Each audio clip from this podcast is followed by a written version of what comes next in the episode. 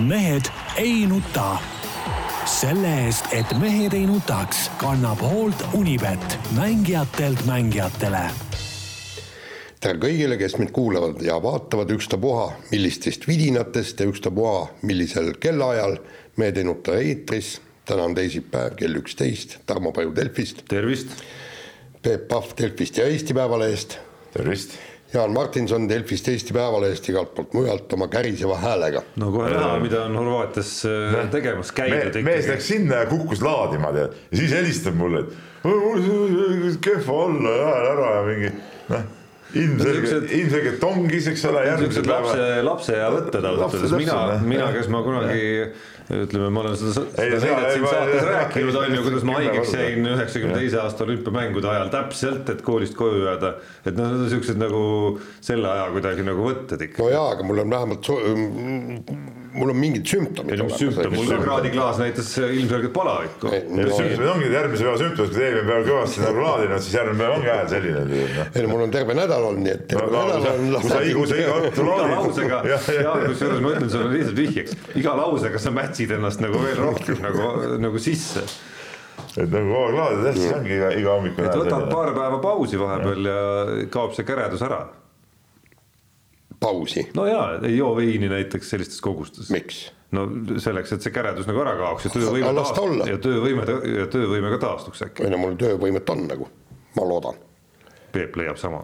ja seda töövõime on no, olematuks muutunud täiesti tead noh jah, küll aga Horvaatias eh, olles tabas mind eh, suur rõõmupuhang, et meie saade on mingil määral nüüd päästetud, me oleme kogu aeg olnud hädas oma jalgpallikommentaaridega. nüüd selgub, eh, Peep Pahv käib kajastamas Eesti tšempionaati, kaja, kajastus oli täiesti professionaalne kõik, nii et, et ühesõnaga nüüd ongi niimoodi, et, et kui meil jalgpallist jutt tuleb, siis siis meie võime Tarmoga suu kinni panna ja vaikselt oma asju. asi, mis just loomulikult on, mis no, siin on ju vanad jalgpalliteadlased ju. aga no., aga samas, samas mul oli väike hirm ka kas sellest ei alga diisleris, diisleristumine? me oleme kõike seda Peep näinud aastate ja. jooksul enda kõrval juhtumas nii mitu korda, et noh, tegelikult ikkagi lõid kõik äh, punased tuled nagu põlema ikkagi. jah, tegelikult. tegelikult oli peasüüdlane muidugi Madis Kalvet, ma pidin sinna mängule minema, kes, kes äh, noorele reporterile omaselt suutis ka haigeks jääda, ehk täielik aitustumine on toimunud äh, toimetuses no ja siis polnudki muidugi, ütleme, tuli võtta ise härjal sarvist ja minna kohale. ja aga, aga. sellest, sellest ma tahan muidugi eraldi veel rääkida. ma ei tea, kas jalgpall oli meil teemaks ka siin või ei olnud? ei olnud, aga saamegi praegu ette. no nii, ma siis räägin ära selle, et halloo mehed, noh, kes seda mängu seal korraldasid. kujutad sa ette, kakskümmend mintsi oli mäng käinud juba. publiku rivi oli ikka veel seal kuskil aia taga, ootasid sissepääsu. see väike Sportland Arena, eks ole sissepääsuks sai niimoodi, et oli mingi pisike auk tehtud seal oli kaks inimest, üks oli naine, üks mees, kes siis otsisid inimesi läbi. ja see järjekord liikus nagu teosammul, tead noh. siis läksid sealt läbi, see tribüüni taha oli mingi aed pandud, et mina sihuke lihaselt laiajaline noormees, sealt nagu sisuliselt niimoodi otse läbi minna saab, külg ees niimoodi sealt läbi minema. noh, siis tribüüni peale, tribüüni peal äh, õiget kohta kuskil istuda pole, ajakirjanike jaoks muidugi mõeldud ei olnud, mingi ajakirjanike kohti ei olnud.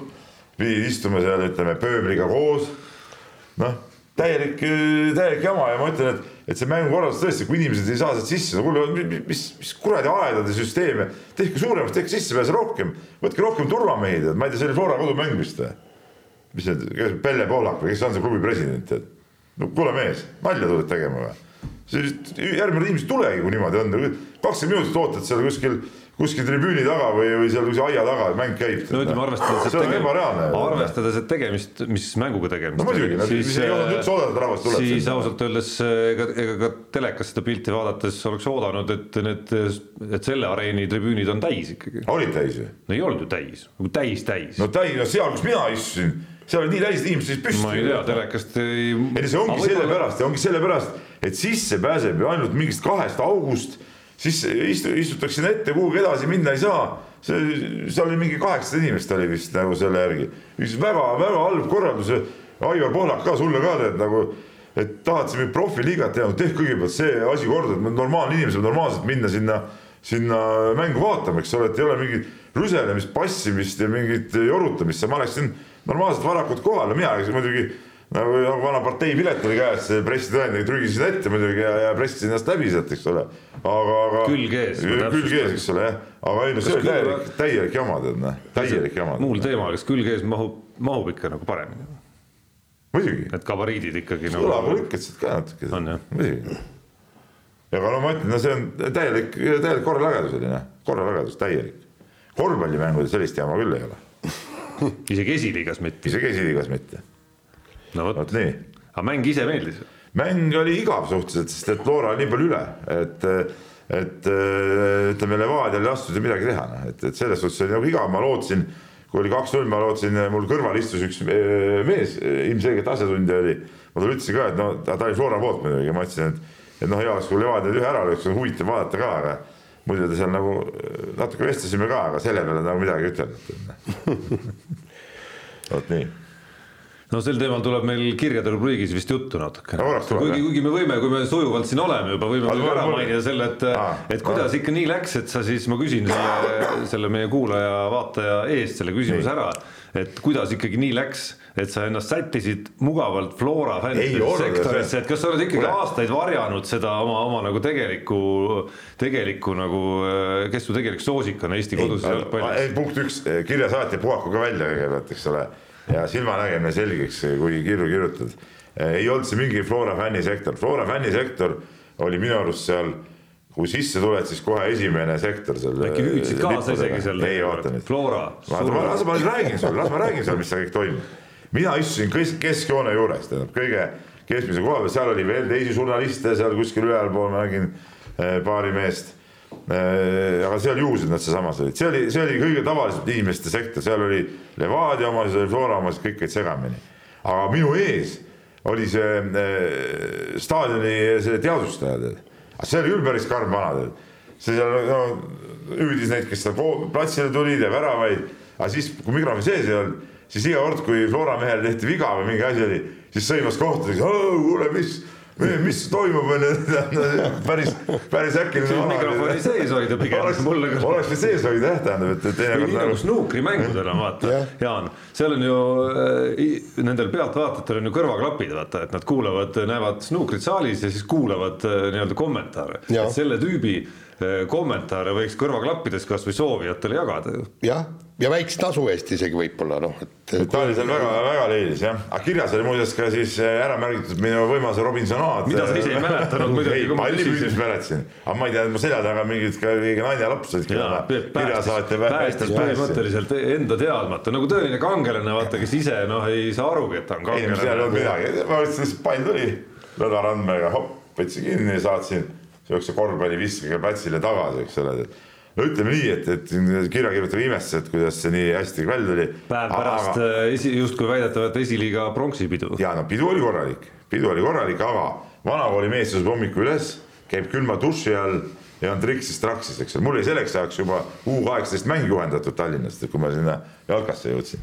ja see selleks, aga, aga see, ütleme püüdmine, no kuule, mees, kes on koukinud posti kõrvalt välja Aksalu penalti, noh siis sellise õhupalli püüdmine ei ole ju nagu mingi probleem, noh. no nagu me teel siia, äh, teel siia juba rääkisime, siis pärast äh, esiliiga nädalavahetust äh, ilmselt, ilmselt seda suud ei vaigista noh, aastaid enam miski. miks peaks? Ja, ja, ja ei absoluutselt ja me, mul, on kogu aeg igal pool tunne, et kõik uksed on ka nagu kuidagi kitsamaks jäänud. et, et. ei, ma olen peast,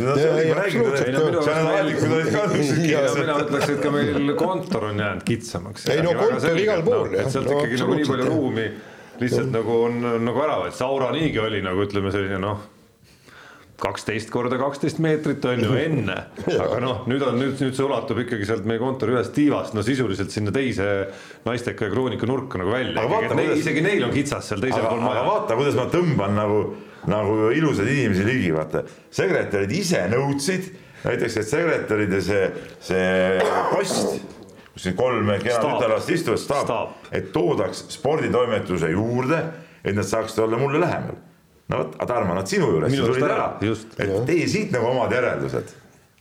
ainult puhas kadedus. ei, ei, nii on, absoluutselt. puhas, puhas tõde. no esiliigast, korvpalli esiliigast tuleb meil juttu, tuleb aga omal ajal. Ja kõik olulised küsimused saavad ka täna vastuse, ehk et kõik Eesti korvpalliringkonnad, kes te nüüd mõistatate, mida teeb Keila oma värske õigusega asuda läbirääkimistesse meistriliigasse astumise osas, mida Keila ja Peep nende õigustega pihta hakkavad, sellest umbes, ma arvan, paarikümne minuti pärast. nii, aga kõigepealt räägime rallist ja käisin Horvaatias ja pole vist kaua aega olnud äh, seda hetke, kui äh, viimane, viimasel kiiruskatsel on pressiruumis, seal oli päris palju ajakirjanikke ja on ääretu pinge üleval ja siis, kui Kalle Roandpera selle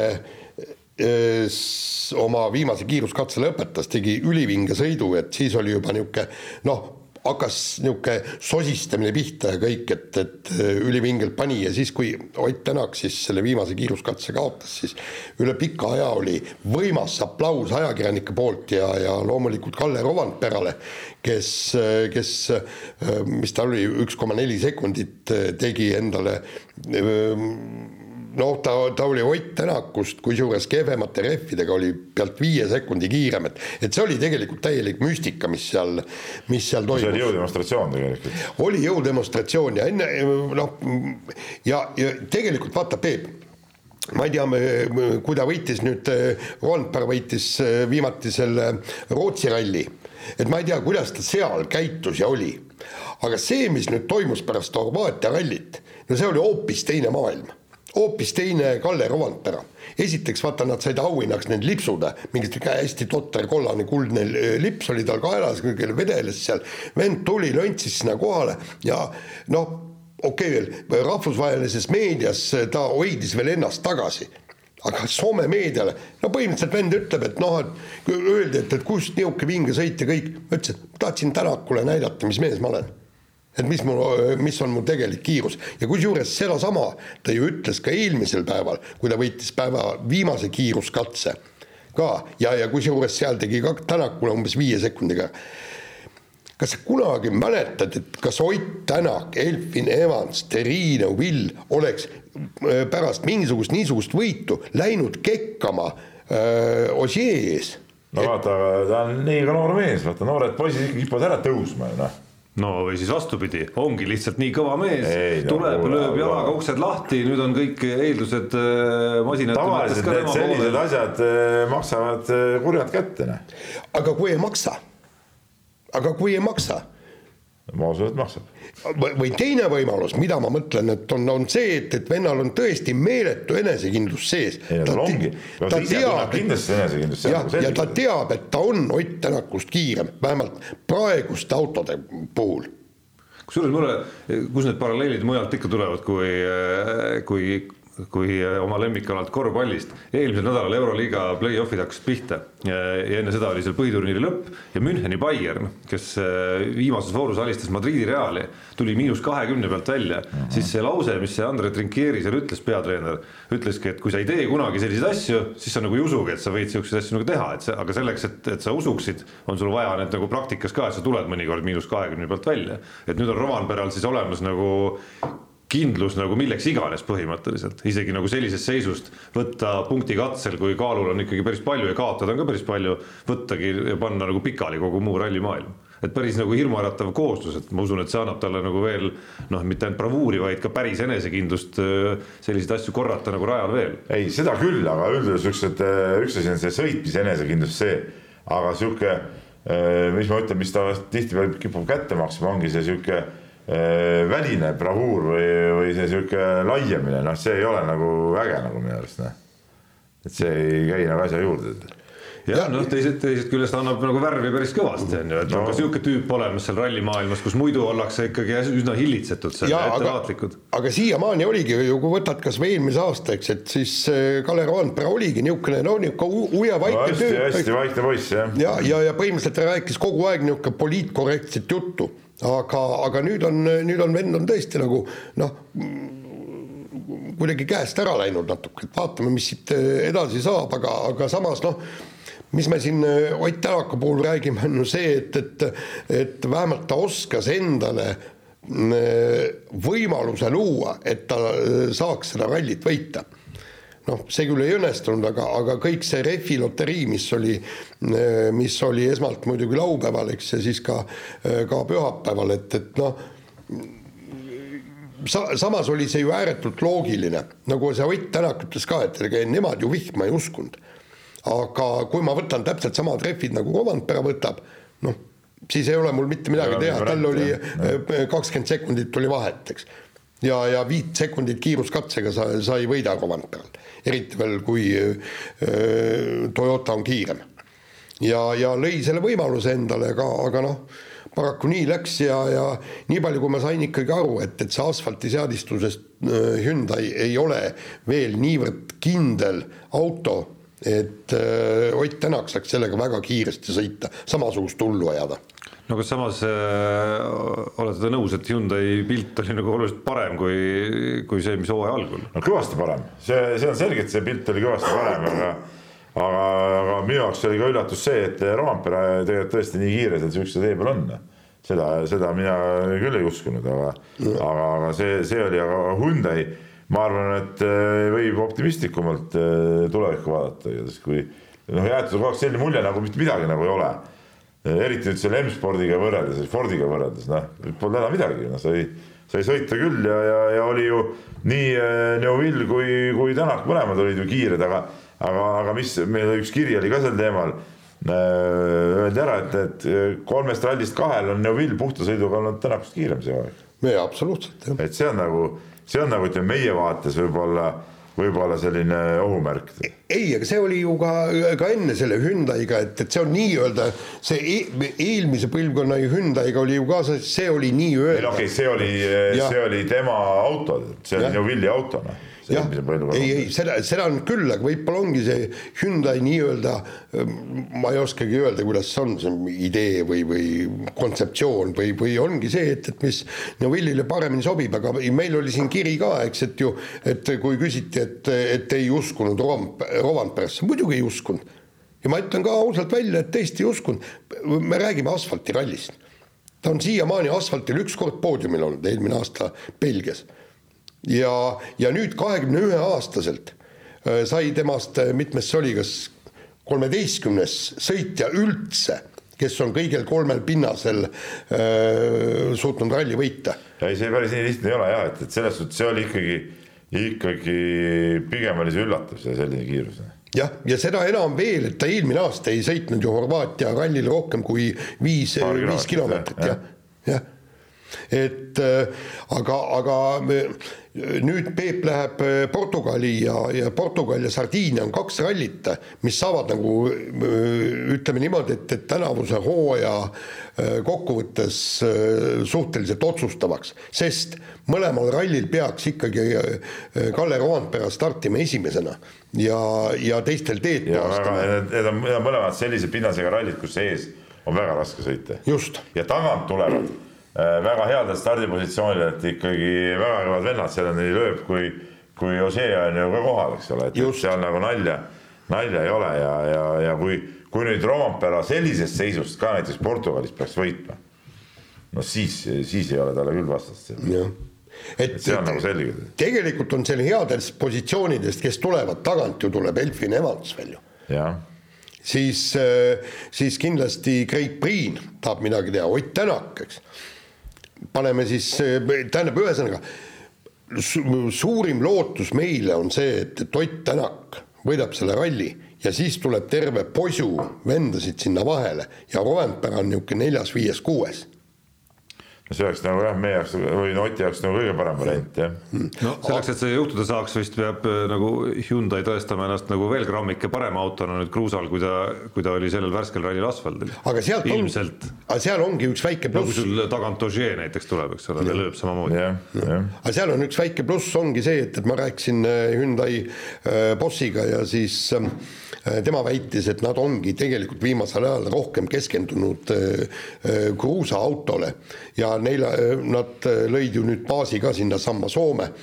Et vastavalt reeglitele neil võib olla testibaas mujal ka ja siis nad on seal kõvasti tööd teinud ja ta ütleski nii, et, et neil on praegu noh, nii-öelda asfalti, asfalti asjad ajasid teatud kaugele ära, sõitsid nüüd Horvaatias ja nüüd täielik keskendumine, viis kruusarallit tuleb järjest.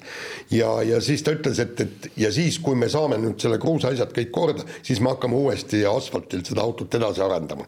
et kuna need asfalti kaks või kolm asfaltirallit tuleb hooaja lõpuseks, mis tal on, Jaapan tuleb, Belgia tuleb mm. -hmm see on mõistlik tee, see on mõistlik tee. Noh. jah, aga, aga, aga nüüd, nüüd saabki näha, aga kusjuures Ott Tänak ise ei tea ju, mis see auto enda kruusal kujutab, vähemalt tema ütles, et tema ei ole seda testinud. et esimesed testid on ära, et, et siis saab näha, kuigi ma ei, ma ei tea, kus ja kes siin sealsamas Soomes seal baasis seda. no mina hästi ei saa seda uskuda, et ma arvan, seal baasis on sõitnud. ma ise arvan ka, aga noh aga võib-olla. ei ühesõnaga häma. ei no rallimehed, ütleme hämamises on ikka täitsa suurmeistrid muidugi, selle, see, selles ei ole nagu kahtlustki. ja, jah, ei no seal oli ka ju põhim-, põhimõtteliselt ega nad mitte midagi ei räägi, seal pressikonverentsil oli ka Latvalt küsiti, et kes sõidab Portugalis, kohe on Portugal, eks ole. ja siis ta veel Osieed välja ja. ei hõiganud ja siis ütles, okei okay, kõik. kui kuluaaris juba räägiti, et Osieed. ja, ja ei kõik ja. nii, aga siis ta ütleb, et ei, ma võin teile, teile rääkida, meil sõidavad siis Elfi Nevat sõidab, Kalle Rovanpera sõidab, äh, Takamoto Katsuta sõidab ja siis sõidab neljas auto ja ei no põhimõtteliselt oleks võinud öelda, et ka neli autot sõidab. ei, ei, aga, ei, aga vend, ei vend hakkaski kohe niimoodi nagu lugema, see ajakirjanikul pastakad käes kõik aga see on hästi tüüpiline jah. nii, aga äh, ralli teema lõpetuseks ikkagi Robert Virvesest võiks ka vist natukene rääkida, et, et väga oli..., väga veidral, totral moel. ei no hakkame kõigepealt sellest pihta, Virves sai väga kõva, Virves sõitis väga hästi. Äh, ütleme, see asfaldi peal ka ei ole kindlasti tema tema leib nii-öelda ja, ja sõitis väga hea kiirusega seal tegelikult. ja võitis kiiruskatseid ja märjal, märjal asfaltil. mis on väga oluline, seal selles sarjas saab iga kiiruskatse eest ka punkti, et selles suhtes oli kõik hästi ja ja tead, see ralli võit oli käega katsuda, aga okei okay,, seal lõpus tuli mingi tehniline jama ka sisse, aga no see neljaminutiline kaotus, mina saan aru, et see oli ikkagi äh, see kohtunike suur, suur mingi käkerdamine. Noh. no e, nii palju ma sain niimoodi mulle siin ralliringkondadest nagu räägitud. no seal on niimoodi, et, et seal, seal on noh, selle tsooni algus on ju seal lippudega tähistatud, seal veel mingid rahvamassid ja ees ja siis ootasid seal aega ja siis turvamehed ütlesid, et kuule, sõida oma autoga eest ära siit, et mine kaosid minema, et, et takistad liiklust, ju takistas ka ja viga oli selles, et, et ka kaardilugejat ei olnud kõrval, sest kaardilugeja ju tegelikult kõike määrab seda. Kõik ja kaardilugeja oleks muidugi puu taha saatnud kõik need turvamehed või siis tagurdanud või midagi teinud, eks, aga ta oli ka ähkmi täis ja oli siis sinna sisse sõitnud ja vaata lippudest mööda ja siis enam kõik enam midagi teha ei saa. et see oli ikka puhtalt inimlik no,. olemuselt see on mingi. olemuselt oli ikka päris jabur see, et sellisel moel, kui asjaolus, asjaolud veel sellised ka olid, on ju, et sa seisad sisuliselt. aga need on ralli tüüpreeglid, siin ei ole midagi, midagi vaielda, tüüpreeglid, aga minu arust nagu, nagu ütleme noh asi, mis, mis määrab ära siis, mis selle sõitmisega absoluutselt seotud, mitte, mitte, mitte vähimalgi määral, nagu totter. ei no oleks, et sa oleks bravuurikalt tõesti teinud vale arvestuse, kui seal niisugune segadus oli. miks no, on siis... varem sissetulek annab minuti karistust, aga minut hiljem sissetulek annab kümme sekundit karistust? jah mingi, ka mingi ebaloogika minu arust. ei no see, no kas seal ei ole see, see, et, et vaata sa, kui oleks seal ka nagu kümme sekundit, siis nad hakkavad nende kohtadega mängima, et tuled varem sisse, siis sa saad nagu. ei no startida ikka varem ei saa noh ei, ei ma tee-, ei, just on see, et, et korjad karistusi endale selleks, et noh, tiimi taktikaga teist meest mööda lasta. nojah, nojah, no ei see kokkuvõttes see on ikka paras, paras huumor. aga, aga Virves oli tubli ja mul väga hea meel, et ma arvan, tal oli selle just ka, arvestades tervet hooaega ja, ja mingeid rahalisi võimalusi oli ju ülioluline, eriti peale eh, Rootsi eh, ebaõnnestumist, kus noh, tegelikult oleks pidanud just tema ralli olema ja, ja kus ta noh, kiirus kõik, kõik oli olemas. et eh, pärast seda üli, ülioluline, et ta niisuguse hea sõidu tegi. no ja ütleme nüüd minnakse kruusale ja, ja, ja seal tuleb tal ikkagi näidata Te,, tegelikult tal, Virvesel on kõik ei, võimalused. ta on väga, väga kihvt, väga kihvt vend ja, ja, ja, ja, ja ma väga loodan, et tal nagu õnnestub sealt, sealt nii-öelda Rally3 juunioride sarjast murda edasi ikkagi nagu järgmiseks hooajaks ikkagi WRC kahte või Rally kahte ja ja, ja, ja sealt, sealt siis juba edasi vaadata, et tal on nagu kõik võimed selle jaoks minu arust olemas. kusjuures, kusjuures noh, viimaseks ütlen, see Rally2 on ikka täitsa hullumeelseks äh, muutunud, nagu konkurents on ikka täitsa hull noh. väga kõvad vennad sõidavad seal ja, ja, ja, ja tegelikult ega Linnamäel seal ka kiirus oli päris okei okay ju tegelikult, aga noh, ise siin ja aga no tal oli elus esimest korda märjal asfaltil ja ta, mhm. tal oligi see kõige suurem kaotus algusest tuligi, ta sai esimesel kiiruskatsel äh, minut kakskümmend viis rehv läks või midagi, ütles, et ei, me ei teadnud üldse, mis, mis asfalt, kus, noh, pole meetritki sõitnud märjal asfaldil, me ei tea, kuidas rehvid toimivad. noh, absoluutselt mitte midagi ei tea. Ja siis sellega võttiski niisuguse kaotuse, et aga aga noh, see Rally2 on, on, on muutunud ka ääretult vingeks muidugi. Aga meie vahetame teemat ja vingeks on muutunud ja muutub ka edasi. Korvpallihooaeg, otsustavad hetked käes, mõnes liigas ka möödas ja sujuvalt olemegi jõudnud, ma arvan, selle kohani saates, mida paljud, äh, ma tean, on oodanud, ehk siis äh, vaatame tagasi nädalavahetusse, enne kui läheme meistriliiga juttude juurde, räägime ikkagi esi või või kohalikust G-liigist siis nagu on ka tituleeritud seda, ehk siis äh, no midagi pole öelda, Jaan, oleme, oleme koos sinuga ikkagi ilmselgelt kuidagi noh teinud Peebust, ma ütleks nagu treenerist, no nagu, nagu töö tegi ahvist kunagi, kunagi aastamiljoneid tagasi inimese, eks ole, noh. millest sa, millest sa enda panustad sinna näed? oleme ikkagi oma kohalolekuga ja oma mõjuga ikkagi suutnud ikkagi, ma arvan ka panustada sellesse. ükskord kutsusin mängu kohalolekuga, ükskord kutsusin mängule, kui meil oli veerandfinaal siis sa ka ei tulnud. no ma isegi enne Final Fouri andsin sulle väga head nõu siin sõnumi teel ka, kuigi noh, poolfinaalis sellest kasu ei olnud absoluutselt muidugi. ilmselt sa ei kuulanud seda, aga, aga ikkagi pronksi mänguks võtsid need nõuanded kasutusele ja tulemus oli olemas. jah, ei no poolfinaal läks nagu läks ja ütleme seal ikka võistkond vajus, vajus päris eh, kipsi ära nagu, et, et no klassikud ütlevad, et ei olnud nagu mängust nagu midagi rääkida, aga jaa, ei selle ühe ööga nagu suutsid ennast äh, kokku võtta ja, ja mängida, mängida pronksi mängu nii nagu vaja, noh. vähemalt äh, seal mängus sees olles tundus see pronksi mäng nagu päris, päris korvpalli moodi olevat, et ma pärast olen järgi vaadanud, polnudki nagu väga viga ja, ja kusjuures noh, ma, ma ütlen, ma Peebule ju saatsin ka sõnumi või me rääkisime, et, et minu meelest see oli ikka täiesti õige, et okei okay,, poolfinaal poolfinaaliks, kas või meelega kaotad. et saaks, sõbra, vastu, et saaks sõbra vastu mängida, sest kui sa ei ole, kujutad ette, et oleks tulnud. ma juhin siiski tähelepanu, et Peebu poolfinaal oli nagu enne vist. ei no ma tean, sa teadsid, et sõber kaotab. seda, et Estik, seda, et Estik on selle turniiri suursoosik, tähendab, äh, ma tervitan neid äh, komentaatoreid ka, kes seal äh, Saagesid ja sõpru, et, et üllatus, see pole mingi üllatus, Estik oli ilmselgelt äh, selle finaalturniiri suur soosik ja, ja, ja tegid oma asjad ära ka. ma olen täiesti kindel, et vanad mehed, viimane kord mängida, kodus mängivad, publiku suur toetus rahvast oli ju murdu tegelikult ju. ja, ja, ja, ja sellised vennad oskavad sellisel hetkel ennast kokku võtta, ma olen jumala kindel, et nad võtavad selle ära. jah, ja ta, Tarmo, kujutad ette, Peep oleks tulnud esiliiga tšempioniks ja pea, aga poleks kohtunud äh, sõbraga. siis Sõbra oleks jäänudki nagu, siis olekski nagu jäänud üles selline nagu, et no mis tšempion sa oled, kui no, sa karudele pole ja sõbrale pole. Nagu absoluutselt jah, täpselt siis oleks nagu eraldi kohtumise pidanud tegema veel nagu äh, Final Fouri järel, ütleme, et asi oleks nagu lõplikult äh, klaar ikkagi. ei no selles mõttes äge värk, ma arvan, et Jaan siin ühineme ja, ja aplodeerime veel Peebule kogu selle kümneaastase töö eest, aga ei, ma ütlen veel vahele, Andres enne mängu üritas psühholoogiliselt mõjutada muidugi, et seal on see, et ähm, enne mängu algust siis äh, võistkonnad, treenerid käivad, märgivad ära selle algviisiku, eks ole, ja noh, kuna me olime nii-öelda äh, välisvõistkond, Andrese võistkond oli see koduvõistkond. no siis Andres märkis ära, jäi sinna muidugi vaatama, mida mina panen ja siis loomulikult äh, äh suutis seal rääkida äh, niimoodi noh, nagu pool minu poole, pool laua poole pöörates, et kuidas ikkagi viimase kahe hooaja seisud on meil jäänud, et ma ei ole kordagi võitnud ja, ja ütleme siukse nagu, nagu mõjutus, mõjutus Renault läksid nagu käiku. huvitav, et pärast mängu me kuulsime hoopis seda, kuidas mehed olid tal väsinud ja hoopis nagu muid jutte nagu hoopis, et seda, kuidas on kaks aastat läinud, ei kuulnud enam. nojah, aga ma ütlen, et, et ta nagu üritas, üritas seal mõjutada küll päris. nii, aga kaks olemuslikku küsimust, Peep, vajab lahendamist. esiteks, kas on õigus Gerd Kullamäel ja Janar Taltsil, kes meie Pihtas põhjas podcast'is eile rääkisid, et äh, Andres Sõbral ilmselgelt on aeg äh, treeneritöö lõpetada igavesti, olles kaotanud ajakirjanikule. No ei, no see ei ole mingisugune näitaja, siis võiks ju siin pooled treenerid Eestis karjääri ära lõpetada ei, mina küsin, mina küsin, mina, ma ei debateeri, ma küsin lihtsalt, hea mugav olukord.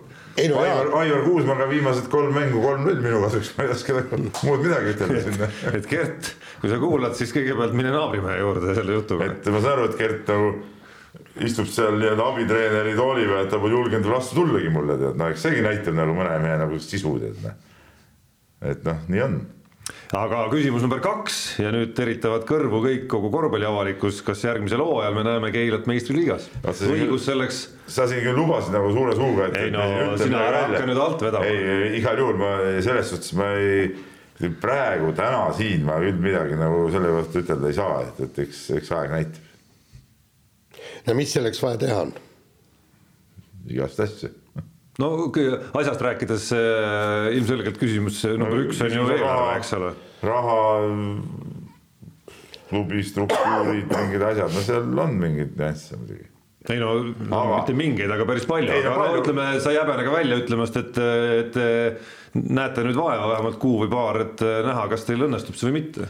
no kindlasti me mingeid samme astume selle jaoks jah, et, et no tegelikult ju noh, klubi mingi põhi on ju all olemas, et äh, mina seda juttu ei taha uskuda, et oma meestega ei ole võimalik nagu mängida või nii-öelda esiliiga meestega, et ma arvan, et ma sihuke, äh, kutid on nii noored alles ju, et nad arenevad edasi ja ma arvan, sihuke kuus-seitse venda selle hooaja koosseisust võib äh, rahulikult, võiks sellisel juhul kaasa võtta, kui sinna viis-kuus tugevamat meest veel juurde panna, et siis ma arvan, võiks täitsa mängida küll. mis ei ma, mis Keila sellest arvab, kas Keila tahab endale meistriliiga satsi? see, see on minu meelest võtmeküsimus. No,. ma loodan, ma loodan, et tahab, aga noh, ega, ega ju täpseid, vaata ega enne ei olnud ju mõtet väga palju sellest ju rääkida, kui mingid variandid käes on, noh et nüüd, nüüd peab nagu sellega tegelema, siis vaatame. No lõpetuseks siia küsin, et see on ju ikkagi ka nagu sulle personaalselt päris suur nagu, kuidas ma ütlen, otsus, mis, mis ees võib seista pean silmas seda, et üks asi on esiliiga ja, ja madalamate liigade satse põhitöö kõrvalt juhendada, aga meistriliiga on Eesti-Läti liiga sealhulgas ka veel, on ikka nagu teine tera ju. noh, ma tean praegu ka mõnda peatreenerit, kes põhitöö kõrvalt seda teeb. no sa mõtled Kalle Klandort? näiteks mõned on ju ka üldse veel noortetreenerid, näiteks Brett Nõmm, eile temaga vestlesin, mees lõpetas just ühte noortemängu, ma olin temaga, temaga rääkisin, alguses võtke vastu, pärast helistas tagasi, eks ole ei no eks, eks me vaatame, siin ei ole mõtet veel nagu neid asju nii peeneks ajada nüüd, et, et äh, aeg näitab nii, aga läheme peeneks ajamisega siis meistriliiga juurde hoopis, täna algamas äh, koduse meistriliiga veerandfinaalseeriad. täna siis TalTech põhiturniiri teine on alustamas Tallinna Kalevi vastu. Äh, ja, ja Viimsi, Tartu ja Pärnu, Rapla on ootamas siis oma järge ja ja noh, Peep sind on narritud päris palju äh, selle Eesti-Läti liiga veerandfinaalseeriate eelse prognoosi osas. Äh, noh, see sõber, sõber Kullamäe. No mitte oleme, oleme sinuga vestelnud sel teemal korduvalt. Kus sa intriigi väga palju ei näinud. no aga, ei kes, näinud, kes see nägi? aga siin praegu yeah. noh, intriig justkui nagu karjub vastu, mis ei tähenda muidugi, et lõpuks ei näe me kolm-nulle siin kõike, aga väga raske oleks uskuda, et me näeme ja ma siis küsin veel takkajärgi, et kes nägi seda, et Pärnu niimoodi Kalevile ära teeb, noh, ma arvan, neid inimesi oli väga-väga vähe. ja no seda, et Kalev Cramo on nagu haavatav, noh, seda oli nagu näha no,, aga küll, nii, aga... et nii haavatav ja. ei oleks uskunud. nii, aga, aga lähme nüüd nende paaride juurde, ma arvan, et kaks väga-väga kõva paari on. Noh. Viimsi Tartu ja Pärnu Rapla, mis, mis võiks olla oma olemuselt päris, päris võrdsed heitlused. see täna algav TalTech Tallinna Kalev võib-olla nii intrigeeriv ei ole, välja arvatud see, et vennad siis omavahel treeneripinkidel on, aga, aga, aga ma arvan, et. kuigi noh, kuigi seal mingi, mingi variant. Tallinna Kalev on selgelt jalgadele natuke rohkem saanud seda küll, seda küll, aga ütleme, ütleme TalTechil või, või TTÜ-l, nagu mina seda võistkonda ikkagi nimetan, on, on seda, kuidas ma ütlen, nagu taset, pinki, kõiki asju on ikkagi määratavalt rohkem, et, et ainuke asi, mis. vähemalt üks liin, mis neil on. üks on, liin, ma tahtsin, tahtsingi sinna jõuda, et ainuke asi ongi see, et, et korvi all nad võivad hätta jääda, et Tallinna Kalevil on korvi all jõud olemas, aga, aga nii-öelda kuulus Big Mike muidugi väidetavalt ei ole ka füüsiliselt eriti heas vormis praegu, et ta pikalt seal mängida ei, ei jõua, siis sõltub, et kuidas seal teised mehed, teised mehed seda jõudu, jõudu välja mängivad, aga et no ma panin ennustuses ka, et võib-olla Tallinna Kalev ühe mängu saab kätte, aga aga seeriat nad, pikka seeriat, nad pigem väsivad ära ka, et ma ei usu, et neil see Füska piisavalt hea selle jaoks on, et ma arvan, selle pole väga palju mõtet. Peatuda, olulisemad paarid on ikka jah, siis see Viimsi-Tartu, noh. No sinna korraks tagasi tulles, ma olen nii. seda siin juurelnud paar päeva juba, et kuidas see põhiturniiri lõpulahendus ikkagi nii käis, kui Tartu ja Viimsi mängisid omavahel ja noh, mulle nagu paberil oleks tundunud, et ega kumbki seda mängu vist ja kuulates neid kommentaare, ega vist ei tahtnudki kumbki seda mängu nagu võita. vaadates ka koosseise. jah, et Tartu tahtis võib-olla pigem kaotada selleks, et siis sellesama Viimsiga kokku minna, mitte Pärnuga. no võib-olla on ju, ja Viimsi samal ajal siis noh ütleme, oleks võitnud selle mängu, oleks läinud kokku Tartu asemel Raplaga, et noh, küsimus, et, et kas nad äkki nagu seda Tartut võib-olla pelgavad, karikavõitja ka ikkagi ja ja, ja justkui äkki natuke raskem, aga ma ei tea, no no Tartu huvitav tagantjärele vaadata, aga noh, nüüd on need paarid niimoodi, niimoodi nagu kokku tulnud ja ma ei tea, mulle tundub, et siin on nagu alust mõlemas täiesti viiemänguliseks seeriaks. ja no nii ma ka tänases ees välja pakkusin, ma pakkusin välja Tartu kolm-kaks võidu ja Pärnu kolm-kaks võidu, no, no ütleme selles Viimsi-Tartu paaris väga oluline muidugi see, et kas ja mis seisus Märt Rosenthal saab näiteks Tartu eest mängida, et, et tema tema mängib ikkagi seal väga olulist äh, rolli nii, nii kaitsemehena kui, kui üldse platsi peal. et ega neil nüüd see pink seal nüüd ülemäära pikk ju ei ole, et seal kui, kui keegi on juba puudu, siis peavad mingid nooremad mehed tulema, hakkama seal tegusid tegema. samas, kui Tartu saab kõik mehed kokku, siis, siis ma ei näe küll nagu ühtegi põhjust, miks nad peaksid nagu kartma seda, seda Viimsit, et okei okay,, Viimsil on küll siuksed kogenud, kogenud vennad sees seal, ütleme Veidemann, Laane Äh, noh, Lips ka juba tegelikult Saakis, eks ole.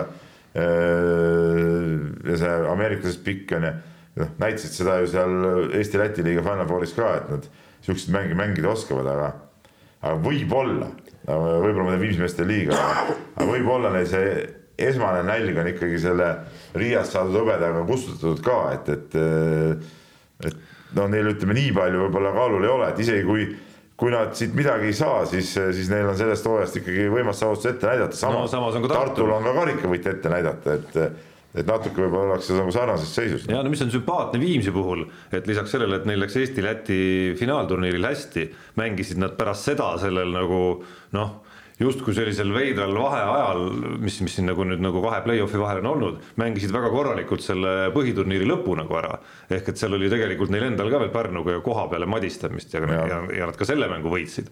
ja, ja TalTech kas ka TalTechi võit oli siin vahepeal? vist oli jah. vist oli ka, on ju, et, et olemata neid nüüd mänge näinud ülemäära nagu põhjalikult, siis vähemalt nagu paberil näeb see nagu sümpaatne välja, et seal ei ole toimunud nagu mingisugust pingerangust, võib-olla vastupidi, on tekkinud seda enesekindlust nagu juurde, et nad on nagu suuri mänge äh, ja tähtsaid mänge võitnud sellel aastal nagu päris hästi, et ka see korvide vahe, kui ma õigesti mäletan näitab nende puhul ilmekalt seda, et nad ütleme. hästi väike pluss. jaa, hästi väike pluss, mis, võitnud, mis tähendab, et ja. nad on nagu lõpud, lõppe väga palju kätte saanud, mis play-off'is muidugi on kahtlemata päris nagu oluline, oluline, oluline fakt. aga kui nüüd äh, Pärnu-Raplat vaadata, siis seal on ka Rapla muidugi ütleme, on nagu must hobune üldse kogu selles play-off seerias, et et noh, väidetavalt neil peaks olema nüüd äh, Äh, mängujuht Martin terve ja, ja number nelja peal mängiv Helmanis äh, terve, et, et seal on no ütleme, need kaks meest võiksid nagu väga, väga kõvasti nagu sellele juurde anda nüüd sellele Raplale, mis siin nüüd lõpus mängis ilma nende põhimeesteta kõikideta, et et noh, seal ka nagu jõudu on tegelikult, et ega see on päris. enne kui see, enne kui seesama põhitagamees neil vigastada sai, olid nad ju päris heaks ja. minemas just ja ma ütlen selle Helmese rolli ka, et noh, ta on väga vähe mänginud, ta on seitse mängu sel hooajal üldse teinud, et et ütleme, kui ta nüüd on tõesti terve ja saab mängida, temal seda taset ja, ja klassi on ja, ja, ja noh, seal on ju muid mehi ka veel, seal on Paasojad ja ja, ja Kaldred ja, ja, ja need mustadest korvialused mehed, et et ütleme, nende see pikkade osa on päris hästi mehitatud ja, ja, ja ega Pärnul ka nüüd otseselt midagi seal kurta ei ole ju, noh, ütleme Valeika, Kirves noh, Ivo Van Tamm on siin nagu üllatanud äh, teatud määral, eks ole. noh, ka nagu mingeid mehi on, et, äh, et see tuleb väga, väga põnev. Ja, ja väga, väga paljuski ka, ka kahe sihukese domineeriva mängujuhi eh, duell, eks ole, tuleb, tuleb just seal, mõlemal on siuksed ameeriklased, kes, kes lisaks mängu juhtimisele ise ilmselt skoorivad ka ja, ja on siuksed väga-väga domineerivad mängijad platsi peal, et, et seal on nagu siukseid miniduelle ka päris palju ja päris, päris huvitavaid ehk siis äh, seal sa panid vist Pärnu kolm-kaks, kui ma ja. nüüd õigesti mäletan ja. jah, no ma sekundeerin siia Pärnu ja Viimsi kolm-kahega ja TalTechi kolm-nulliga ja vaatame siis, kuidas kuidas, kuidas meil see asi no, läheb. paneme selle ühe panin nagu, nagu. no esimene alati on sellistes olukordades, sellistes olukordades esimene on alati nagu kõige siuksem nagu tuleohtlikum soosiku jaoks aga no seal võiks hakata see faktor ka mängima, et kuidas siis see füüsis nagu kestab seal, kui seeria edasi tõesti peaks nagu minema, on ju, aga no ei tea. aga ma... eriti mänguks seal seerias ei tohiks minna muidugi. Noh. jah, kuigi minu arust on seal olemas nagu eeldused, et, et ta ei oleks ka nii ühepoolne, kui, kui siin võib-olla, kui siin võib-olla sel hooajal Tallinna Kalev on nagu noh, nagu märku endast andnud, et see lõpp on neil olnud tõusvas joones väga selgelt. no seal eeldused äh, on ainult siis, kui ikkagi kõik, äh, kõik need äh, põhimehed, viis-kuus meest peavad ikkagi tegema ideaalse mängu, no siis on ainult see eeldus. kui sa paned ikka mees mehe vastu, noh, ega seal nüüd okei okay,, jätame selle korvialuse nüüd välja siis ju see tasemevahe ikkagi kisub, eh, kisub sinna TTÜ poole. nii, aga läheme edasi eh, käsipallile ja kui sa siin rääkisid ennist eh, mitme ameti ühildamisest, siis Viljandi käsipallimeeskond on suutnud seda täies koosseisus teha, et ma saan aru, et ühtegi professionaalset mängijat pole. Kõik teevad muud tööd ja käivad õhtuti käsipalli mängimas ja, ja tasuks siis nii kõva asi kui Balti liiga tšempioni tiitel, no seal on palju Eesti koondise tasemel mehi ka muidugi sees, aga, aga, aga see on nagu hämmastav, kuidas see liiga, liiga äh, niimoodi suudab nagu toimida ja, ja toimib ja saavad hakkama, noh, et aga vägev, vägev märk ja see, et nagu, et see Viljandi võit nagu on sihuke natuke sihuke värske tuul jälle, et muidu oli kogu aeg noh, Põlva ja siis vahepeal see Tallinn ja Kehra ja nüüd see Viljandi, nad siin mõned aastad tagasi vahepeal olid ka tipus vahepeal vajusid ära, nüüd on jälle selle hea koosluse kokku saanud.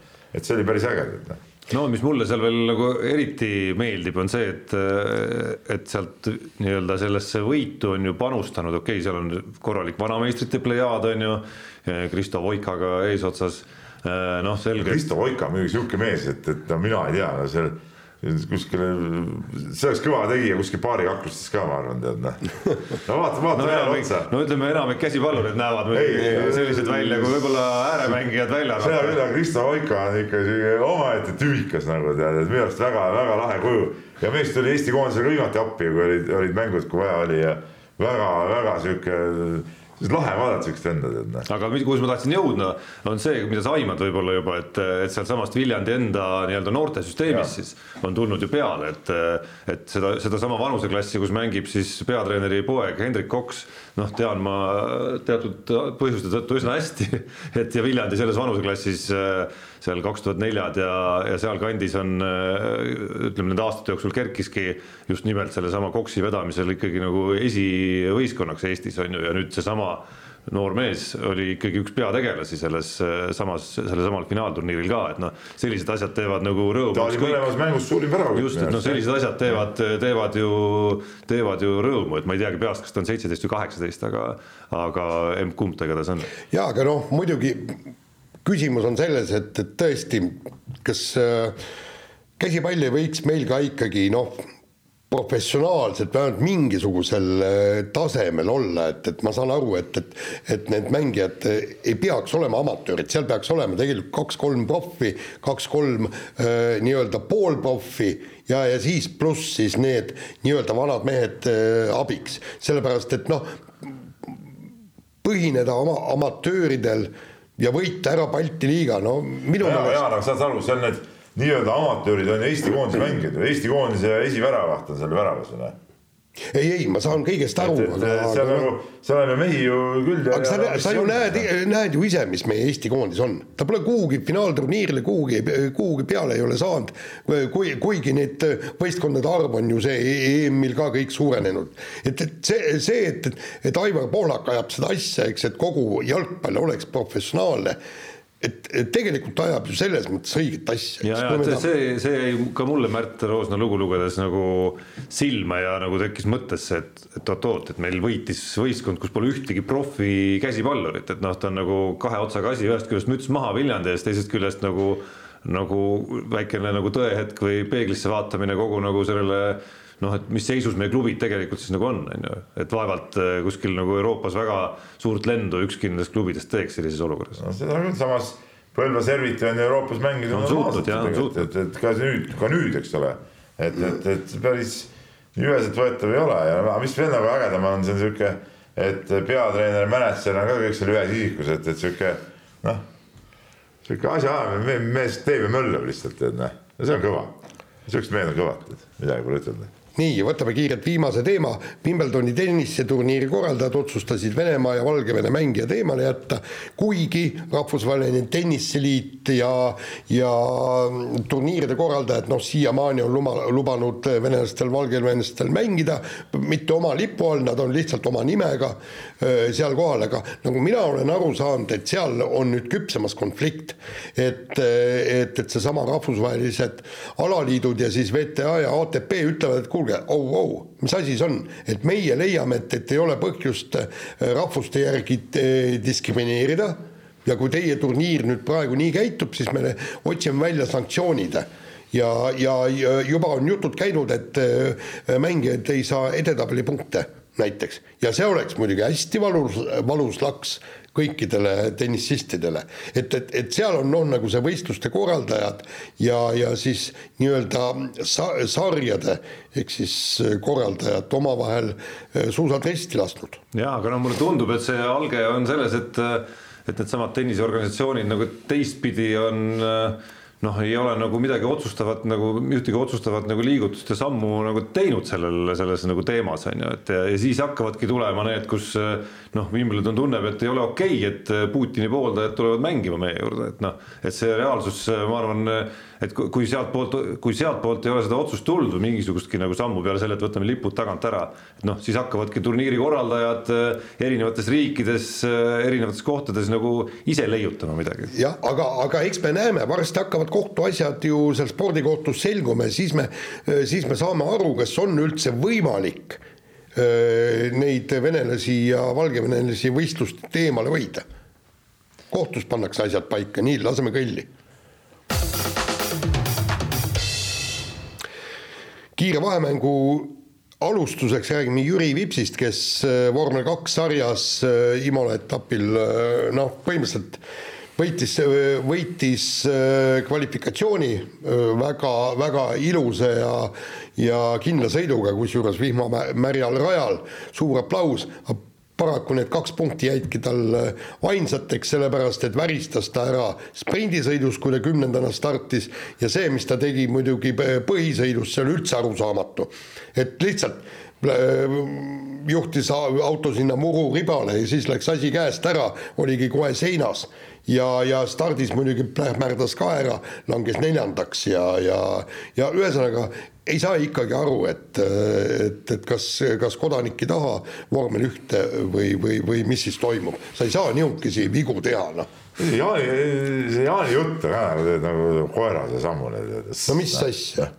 Mis, mis jutt see selline on, mida sa ajad praegu suust välja? nimelt. sa mõtlesid, et ei taha saada sinna meelega siis sõitis seina. ei, ta ei sõitnud no. meelega, aga see on noh, tähendab, sa sai niisuguse sõiduga vormel ühte sa ei pääse. ja, ja vaata, kui sina mängisid golfi, eks ole see oli, okei, ühe korda Eesti metsas, kui mitte keegi teine peale sinu ei mänginud. ülejäänud võistlused, sa ju keerasid kõik tuksi, ma mäletan, kui sa käisid kuskil MM-il või midagi, närvi polnud midagi. kas sa ei tahtnud siis golfi mängida, sa ei tahtnud neid palle sisse lüüa? ei, ei, ma tahtsin golfi mängida, aga ma ei tahtnud eh, saada profiks. aa okei selge. polnud see. ei no, ei, no selles, selles see küsimus ongi, et, et sellist no., et küsimus on, kas on siis vormel ühe tase temas olemas või mitte, on ju, mitte no. tahtmisest niivõrd, ma kahtlustan. no peas tuleb asjad need korda saada, ma arvan, et need olid mingisugused mentaalsed, mentaalsed apsakad mille pärast kõik see juhtub. sa pole siiamaani peas korda saanud asju. ei, mina ei olegi, ei absoluutselt. siiamaani kõik paigast. sellepärast te saabki oma kogemusest äh, väga hästi öelda, et mida Jüri Vips peab teistmoodi tegema. et, et, et seal, seal kuskilt tuleb, tuleb need asjad kuidagi korda saada, kui sul on kiirus, sul on kõik olemas, eks. siis, äh, siis start tuleb korda saada, vigu tuleb vältida, lihtsalt on nii, sul on nii vähe puudu vormel ühte jõudmisest ei no see on põhimõtteliselt kõige parem retsept ongi see, lähed starti, tee ideaalne start, ära eksi, sõida kõige kiiremini. siis võidad. no aga mõned su suudavad seda. ei, no ma ütlen, see on paremat retsepti ega nõuannet ei saagi anda minu arust. mis sa arvad? absoluutselt äh, vahetame teemat, aga jääme mootorite juurde taas keegi, kelle eest müts maha võtta, Tanel Jook tegi oma karjääri viimase äh, etteaste siis äh, MM-etapil. ja see Lätis, Lätis toimus mina muidugi aru saan, et Tanel Jõerk lõpetas eelmise hooajaga ära, aga, aga no okei okay,. Läti tuleb juba siis. Läti tuleb siis, kes sõitmas ja ei muidugi müts maha ja, ja, ja müts maha selle eest ka, et ajab seda motokrossi asja ju edasi ja, ja, ja seal poiss või poisid on seal juba sõitmas kõvasti ja, ja noh, ma ütlen, ma ei tea, kas te olete Tanel Jõerki raamatut lugenud, mina olen raamatut lugenud no,. see, see on väga-väga hea lugemine, mismoodi seda, seda tööd seal on tehtud ja mis kannatusi seal on kannatatud, et soovitan soovitan kõigil saatekuulajatel see raamat välja otsida, mis ilmus vist aasta või kaks tagasi või ei mäletagi täpselt. oled lugenud seda või? ei. igatahes väga-väga-väga hea asi on see. ja aga samas ma ei ole kindel, et tema rahvusvaheline karjäär või MM-karjäär on sellega läbi järgmine aasta tuleb keegum, siis vend pühib tsikli tolmu maha ja. rahvuste krossil on jälle mingit meest vaja, siis no, ei, ei absoluutselt, nii et vend peab rahulikult edasi.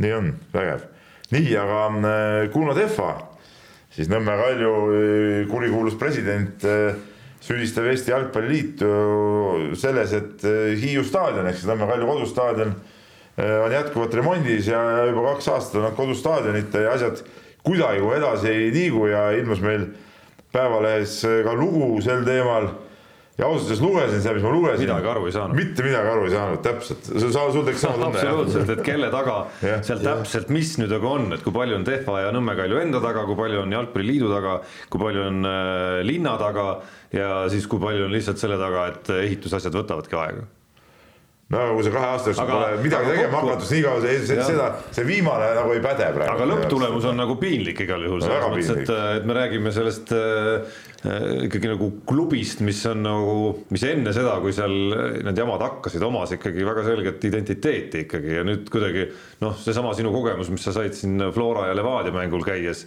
et, et nagu noh, sinna, kui sa paned sinna katlasse nagu juurde sellesama, et meie üks nagu neljast suurest Äh, mängib sisuliselt nagu üldse ilma oma koduta või ammu kuskil kodust kaugel, on ju. et siis see nagu, ma ei näe kuskilt otsast, kuidas see nagu kogu sellele liigale nagu kasuks tuleks. ja, ja kõige hullem oli see, et, et ega seal artiklis ei selgunud, kuidas see lahendus, äh, kus see lahendus. linnavalitsuse mees ütles seal, et noh, et noh et ei ole veel töösse läinud. No. no täpselt. ei no nüüd on, ma saan aru, et nüüd on oodatud nii kaua, et äh, me kõik teame, ilma et me oleks ehituseksperdid, mis on ehitusi no, täna võrreldes, võrreldes sellega, mis nad olid aasta tagasi või kaks tagasi, et ilmselgelt ei ole see mida seal kõik teha plaanitakse, täna odavam ja homme odav, homme veelgi odavam, kui, kui ta oli näiteks aasta tagasi. ei no jaa, kokkuvõttes, kui Jalkaliit eh, andis lubaduse, eks ole. jaa, lihtsalt see raha number, see raha ja see no, idaoliitlik on kasvanud vahepeal. kui on korrutatud, siis tuleb raha juurde panna. Aivar Pohlak, milles asi on jälle, noh. kurat, ühes kohas ei saa mänge korraldatud, teises kohas ei saa staadionit ehitatud, noh lonkame mitut jalga, noh. jah, ja lõpuks on Eesti jalgpallikoondis ka nagu on, tead, mudaliigas. sellepärast ongi, ma arvan, see kõik kõik, kõik on nagu ühe, ühe jama tulem nagu tead noh. nii, aga räägime kergejõustikust veidi ja Tiirik Noorme loobus MM-ist, et püüda EM-il individuaalselt ja võistkondlikku medalit. ja kusjuures ma leian, leian, et see on täiesti, täiesti õige, et, et mind natukene häirib see, et, et kui meil on äh, Äh, paljud sportlased, kui on noh, nagu teised tiitlivõistlused ka ja ei, ei, ma ikka keskendun ikkagi olümpiamängudele ja kõik see on ta-ta-ta ja kõik seal, seal on konkurents, seal on kui sa oled tõesti väga hea, heas vormis, sul läheb kõik briljantselt, sa oled kahekümnes. Ei lähe briljantselt, oled kahekümne kaheksas, kolmekümnes. et see ja, ja selle asemel, et siis nii-öelda EM-il on sul võimalus tõesti seda medalit tankida siis ausalt öeldes võiks isegi sellest olümpiast isegi loobuda.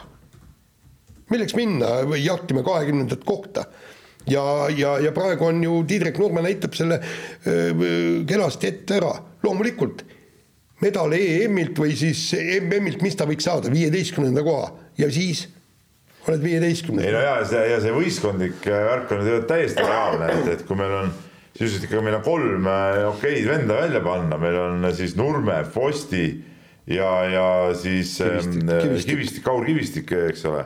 no seal on ju võimalus on olemas, nad on ju välja arvutanud selle, et see, et see võimalus on neil olemas ja, ja sellepärast nad seda, seda niimoodi üritavadki, noh, et loomulikult tasub sellele panustada, noh. on see võistkondlik medal võib-olla sihuke noh, seda võib-olla ei panda nii tähele või no ütleme, kui meil pole seal nii palju olnudki, me pole väga märganudki. no samas on ikka päris reaalne asi. ja, ja see on näp päris asi. näppude vahele, mis võiks jääda. päris asi, sul on EM-i medal, halloo, no kuule, pole mingit võimalustki muidu. ei no muidugi, ega meie tippspordikomisjon muidugi seda ei arvesta, eks, et sest no, see ei ole olümpia. ja, ja seda muidugi. ja, ja, ja. nojaa, aga õnneks ma saan aru, et kergejõustikuliit vähemalt eh, panustab sellesse asjasse ja, ja, ja, ja, ja seda, seda võistkonna asja seal toetatakse igal juhul noh et eks siis see Teegamägi ja sõbrad saavad ka aru, et see on, see on nagu Eesti kergejõustikuks ka suur võimalus. ja, ja kusjuures EM-il maratonis medal võita, Loskutov suutis hõbedale joosta ja kusjuures oleks ka veel selle kulla saanud, seal oli mingisugune mingisugune värk, see soomlane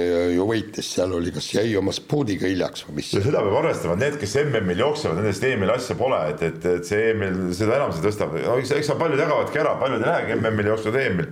selles suhtes suvi on nagu totter, need mõlemad võistlused korraga on, et. ja, ja kusjuures teineteise seljas ka. suht lähestikku ka jah, juuli ja august. kaks, kaks-kolm nädalat kolm, on vahet. kolm nädalat vist äkki oli vahet jah ja ehk siis just nende alade tegijate jaoks, kelle noh, kes ei võistle palju, on ju, ehk siis mitmevõistlejad ja ja no maratonijooksjad eriti veel. no meie mitmevõistlejad, see on jälle kasulik, sest et eh, meil on nii palju neid, et mõistlik oleks üldse ära jagada, et ühed siin, teised seal, et kõik saaks nagu midagi proovida võib-olla aga selle saatuse lõpetuseks natukene korvpalli ka veel. Eh, Gerg Riisa koduülikool Arizona on värbamas meie korvpalli üht kõige eredamat tulevikulootust Madridi Realis viimased aastad veetnud ja mänginud Henri Veesaart. no see uudis teeb kurvaks muidugi no see ei olnud nagu tegelikult, sellest kuulda, sellest on räägitud aega, et tegelikult vist see Arizona huvi on juba ammu üleval, mitte praegu tekkinud. aga kui see nii läheb, siis see teeb natuke kurvaks, sest et Veesaar oli või on praegu veel Reali süsteemis Euroopa absoluutne tipp, euroliiga tipp. Noh. ja, ja olles näinud ju, kuidas euroliigas Real neid oma sealt alt neid vendi võtab tegelikult ju sisse. no tõsi, seal on see nüanss ka, et me oleme näinud edulugusid, aga noh, tegelikult on ei, ma, ma selles, selles Reali noortesüsteemis ja, nagu kümneid ja kümneid ja kümneid no, ja kümneid noori, kellest me ei kuule kunagi midagi. muidugi on, nad lähevad kuskile mujale klubidesse, aga, aga siis kurvaks teebki see, et kas siis järelikult temas ei nähta sellist, sellist äh, potentsiaali et, äh, et, et ta võiks seda Reali süsteemi nagu, nagu juurde võtta. Noh. no seda poolt ei tea, teada on nii palju, et tal leping või justkui kokkulepe nagunii on lõppemas Realis on ju. no leping küll, aga kas ei tahetud uut lepingut teha siis? kas ei tahetud või tema ise ei tahtnud, mina olen aru saanud, et ta pigem ise juba ammu on seadnud sihi sinna ülikooli poole. aga ega täpselt no, täpselt on... muidugi ka seda lugu ei tea no, no. ja õnneks, mis õnneks teistpidi, mis on nüüd nagu tekkinud, on väga selge, eriti Eesti pikkadel, väga selge nagu kuidagi nagu eeskuju ja muster, kuidas, kuidas on võimalik sealt ookeani tagant nagu nii-öelda kasudega tagasi tulla, ehk siis Maik Kotsar ja ja Mattias Tass on selle nagu ikkagi viimaste aastatega ette näidanud. seda küll, aga noh, see on päris pikk aeg jälle, pikk protsess seal absoluutselt. kus ja aega läheb natuke jälle raisku. ei, eks ta raisku just läheb, aga koondisele vähemalt oled äh, mingid aknad muidugi nüüd äh, suletud, mis on nagu halb, halb uudis kindlasti nagu koondise jaoks. nii, laseme kõlli. laseme kõlli. Unibetis saab tasuta vaadata aastas enam kui viiekümne tuhande mängu otseülekannet. seda isegi mobiilis ja tahvelarvutis. Unibet, mängijatelt mängijatele Nonii. no seekord ma, ütleme, mul oli pass oli seekord. Äh... ma olin pettunud, et ei olnud neid äh, esiliiga Final Fouri koefitsiente, eks ole. et sa enda peale ei saanud panustada. ja, ja no tead, ma enda peale ei tohi muidugi panustada, aga siis ma protestimärgiks, protestimärgiks ma siis üldse ei, ei panustanud see nädal. selge no mina panin muidugi Tänaku peale ja hakkasin juba.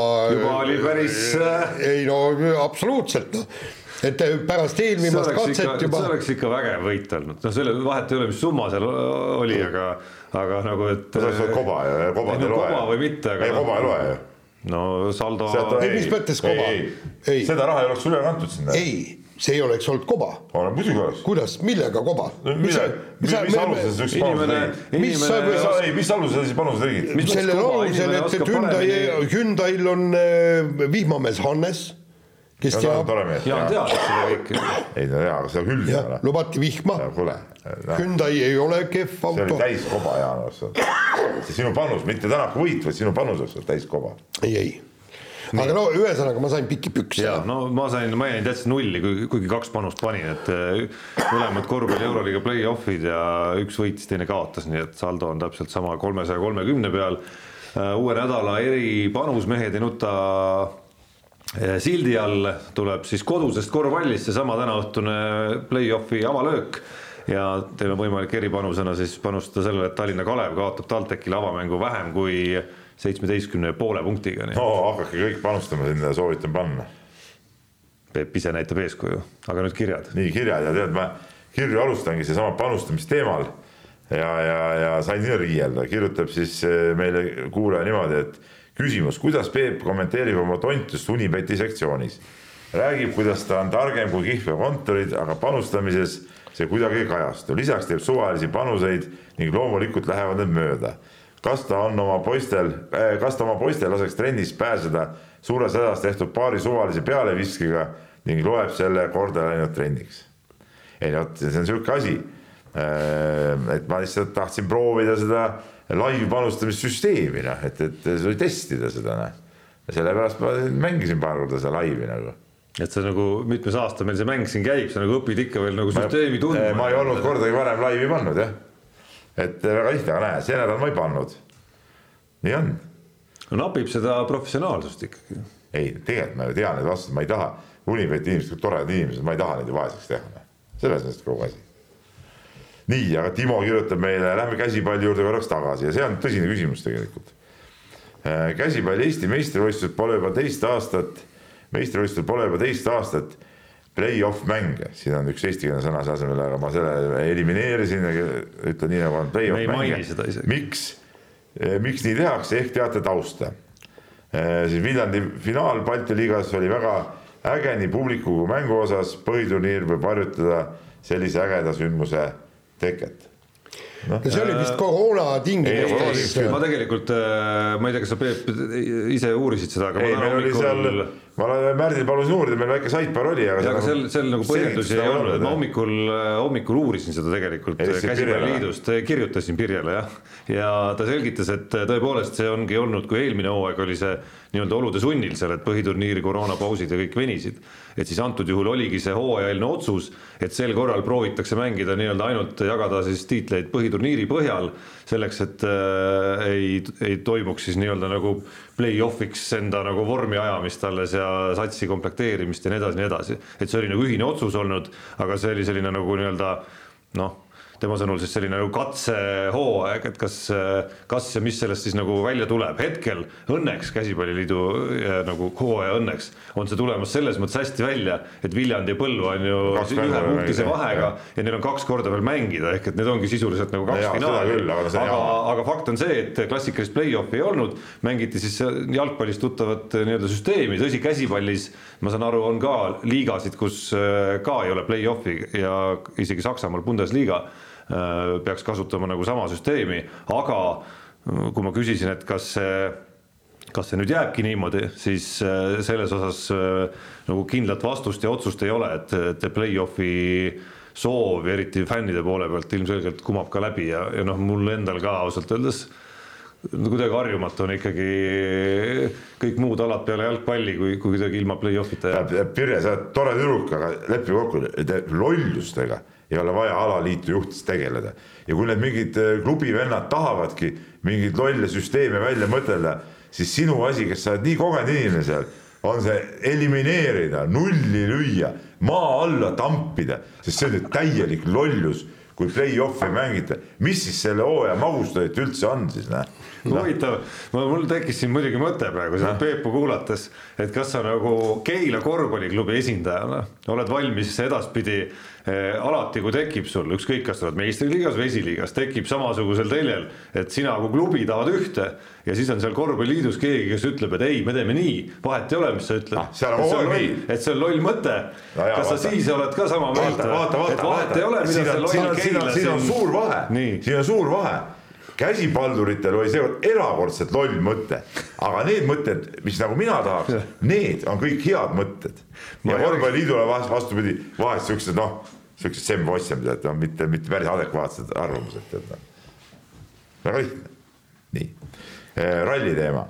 Äh, kirjutaks meile nii, kodanik Lappi äh, pole hooajasõitja, katkestab esimestel kilomeetritel ja teine päev võidab katseid. Ja ütleb, et on rahul millise kolmanda piloodi teie oma tiimi võtaks, kas sellise, kes näiteks saab rallil kuuenda koha või sellise, kes katkestab ja on mõnel katsel esimene? ei no selge see, et, et no Lappi pidi midagi ütlema ju, tal peab kuskil midagigi positiivset olema, kui ta tõesti esimesel katsel täiesti bambusesse omadega paneb, eks ju. ja, ja ta ei ole ju pikalt sõitnud äh, WRC autoga ja nüüd esimene start oli tal ju selle hübriidiga ja, ja ta peab endale tõesti midagi, midagi ja ta tõesti võitis katseid. ta tõesti võit-, võitis seal ka mitmed katsed ära, ta oli kiire ja selge see, et, et noh, ta on sellega rahul, ta ei ole tulemusega rahul, aga ta on rahul sellega, et ta suudab katseid võita. no jaa, eh, no pigem ütleme ega Lappi on tõestanud, ta on, on mees, kes eh, võib ka rallit võita, ta on ka rallit võitnud, eks ole. Ja, ja temal niisugune kiirus on olemas, et üldjuhul need siuksed, need kuuenda koha mehed on siuksed Greensmiti sugused mehed, kes, kellest nagunii mitte midagi mitte kunagi ei tule ja kes mitte kunagi mitte ühtegi tipprallit ei võida, noh et, et et, et pigem ma eelistaksin ikka siukest lapisugust meest, kellelt on vähemalt midagi loota, noh. ja, ja ma olen Jaaniga nõus, et noh, et mis ta seal, mis ta seal muud ütelda oligi, kui, kui seda, et jah, et ta on rahul, et aga, aga jah, et ta läks, läks nii nagu läks, noh ausalt öeldes tegelikult mul oli seal kohati, kui, kui vaatasin, see oli ikka paras masendus peal, kui sa vaatad selles M-spordisse. tõesti selle Greensmitid ja Lubeed ja kes seal kõik on, et noh, no milleks nendele vendadele anda WRC autosid, kui meil on Östbergid, Mikkelsenid, seal on veel nooremaid asjalikke vendasid, kes tahavad kuhugi jõuda. ja nemad peavad oma WRC kahte ruunama seal et, et seda on kurb vaadata, aga noh, midagi pole teha, mehed maksavad. nii, võtame korraks ralli teema veel, Aadu kirjutab meile, et eh, kõigepealt ütleb, et meil on aeg bensile minna ja kuna me sellesse Kallesse ei uskunud Horvaatias, noh, see selleks, selle teema me rääkisime ära, aga ta kirjutab ka nii. Ehm, kas teile ei tundu, et Ott nagu tegelikult väga ei tahagi riskida ja pingutada, tema olek on kuidagi juba selline suva ma ei ole päris nõus, et Hyundai'ga ei ole võimalik sõita, Neuvilju näitas, et auto liigub küll, kui väga tahta. pealegi selle auto on saanud Ott ehitada, nagu tema oskas ja soovis. Ei no aga vaata, siin ongi, millest meie tegelikult ju aru ei saa. on see, et, et need vennad kihutavad kuni kakssada kilomeetrit tunnis metsade vahel täiega ja tal peab olema täiskindlus selles autos, et see auto käitub täpselt nii, nagu mina tahan ja siis ma olen võimeline gaasi tõesti äh, absoluutselt põhja suruma ja, ja niikaua, kui see auto ei käitu nii, mäletad, kui äh, siin äh, to, Toyotas oli, oli kõige hirmutavam konkurentidele, oli see, kui Tänak ütles, auto on minu jaoks mugav. siis oli kõik, siis kõik teadsid, mis toimuma hakkab. aga, aga Hyundai'ga ta ei ole seda ju praktiliselt öelnud. et see ongi see, et, et jah Ott ei sõida välja praegu oma tegelikku kiirust, aga põhjus ei ole mitte selles, et, et ta ise oleks aeglasemaks jäänud, vaid just selles, et auto ei ole talle mugav. no siin äh, kirja veel läheb tegelikult natuke edasi ja, ja, ja Aadu leiab, et Ott on lihtsalt üks tavaline rallisõitja ja midagi erilist, no see, see, sellele ma küll vastu vaielda, et see on, see on täielik udu, udu arvamus, Aadu. aga, aga kirjutab ka nii, et võib-olla vanus mängib rolli võiks tõesti see, et vennal sai mõõt täis, et tema sõidustiil lihtsalt ei sobi nende rehvidega. ja nagu ta rohkem pingutab, nii kohe rehvid lähevad.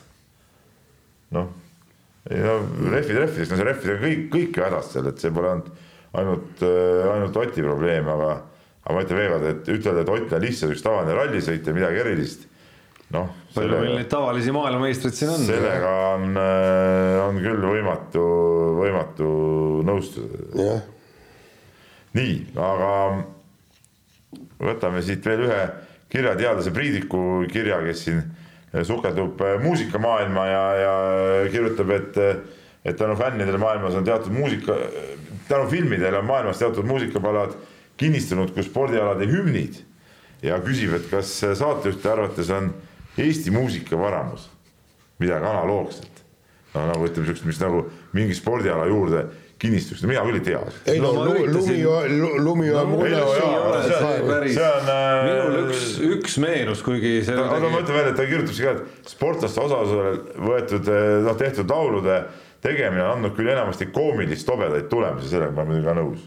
no üks, mis mulle tõesti meenus, ma ei tea, kas just nagu hümni, see on nagu palju öeldud, aga üks, mis nagu kasutusse ikkagi nagu läks mingil määral, oli see see nii-öelda korvpalli Kalevi mingi see na-na-na-na no see jah, see, see, see nagu kuidagi nagu on äh, mingitel, mingitel aegadel elanud. aga see Genka, see räpp vist ka korvpalli teemadel. aga see ei ole kuidagi nagu kuidagi nagu.... ei, seal lastakse ju saalis ju okay. enne, enne mänge, nagu Keilas, kui mäng hakkab, lastakse seda peaaegu alati ja, ja enamus kohtades, et seda, seda kasutatakse küll väga palju, see on, see on küll üks selline asi, mis on läinud nagu käima. muide, üks, üks huvitav kiri oli tegelikult veel, et kui see, kui saaks ajas tagasi minna äh, jaa, vot kuna ma tegin arvuti, tegin väikse trikki, siis mul siin ja, ja. saate käigus üritasin kirju leida, ma just seda kirja praegu ei jõudnud kiiresti leida. sa, sa, Tarmo, ei mäleta seda kirja? Et seal oli, kui me saaksime ajamasinaga tagasi minna, et, et noh, et, et millist spordihetke ja võistkonda siis vaataksin, tähendab ja noh, ma eile mõtlesin selle üle, mul on nagu põhimõtteliselt kaks, kaks.... see oli, ei, see oli jutt käis selle, mul tuli see kiri siis meelde, ma olen seda lugenud ka, et see oli nagu nendest filmidest, spordifilmidest, mis on tehtud nendest nagu praegu on see, see vaata Pärnu jalkasatsist oli ja nüüd ma ei tea, Kalev Cramost tuli mingi meistrite liiga mingi asi välja ja. või tuleb välja Äh, tuli ja siis on veel siin Levadiast Levadia ja Eesti Hokist. jah, jah, täpselt ja., et, et, et kui me saaks nagu siin ajas tagasi rännata, et siis millisest äh, võistlusest või, või hetkest või sündmusest me tahaks siis samasugust filmi nagu, nagu näha. no väga raske on mitte esimesena minna ikkagi sinna üheksakümne esimesse aastasse. jah, täpselt. väga raske on midagi muud. üks, asi, üks asi veel. aga no ka ütleme, kui saaks ligi igale poole, siis loomulikult Calgary olümpial oleks väga tore, no sihuke meil, sihuke meil nagu ülivägev dokk tuleks seal no, ja no siis, kui minna veel nagu Eesti suusa. suusatamine jah, täpselt seda ma tahtsingi välja tuua siin peab ühel meelel no, no me räägime ja. nagu kohtadest eeldusel muidugi, et noh, tõesti, sa saadki igal pool olla ja, ja, ja noh, kõik, kes teevad äh, ka suli, kõik teevad seda kaamera ees ka siis ilusti nagu rahulikult onju. jah, et ei, mul ei, just need tulidki. ei, nad nagu meelega ei tee, aga siis on kuskil seal ütleme kaadri nurgas näha, kuidas Mati Karlovitš seal midagi seal pusserdab seal mingite ja. ainetega näiteks, noh, miks ka mitte. Just Nii. need, et aga, aga sellega on siis. sellega võtame asjad kokku jah, vist ma arvan. saade on sellega läbi, kuulake meid äh, järgmine kord ja olge mõnusad ja nautige kevadet, mida pa paraku ei ole. mehed ei nuta. saate tõi sinuni Unibet, mängijatelt mängijatele